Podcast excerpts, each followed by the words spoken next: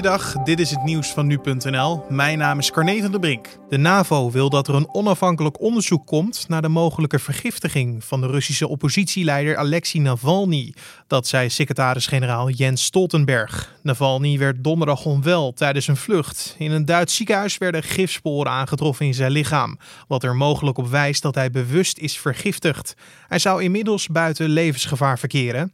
En de 44-jarige Navalny geldt als een van de belangrijkste tegenstanders van de Russische president Vladimir Poetin en leverde regelmatig openlijke kritiek op het regime in Moskou.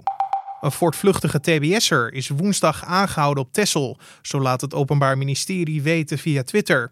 De voortvluchtige TBS'er werd veroordeeld voor gewapende overvallen, afpersingen, gijzeling, inbraken en diefstallen.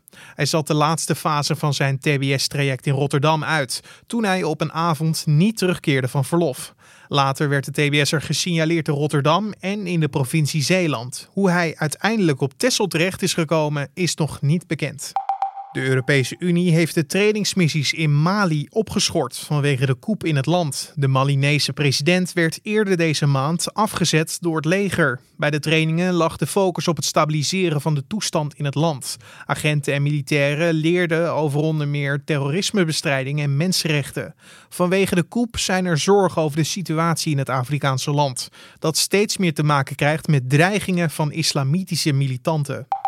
Daley Blind traint voorlopig niet mee bij Ajax. De verdediger die dinsdag in het oefenduel met Hertha BSC in elkaar zakte, maakte het naar omstandigheden goed, maar wordt wel nader onderzocht.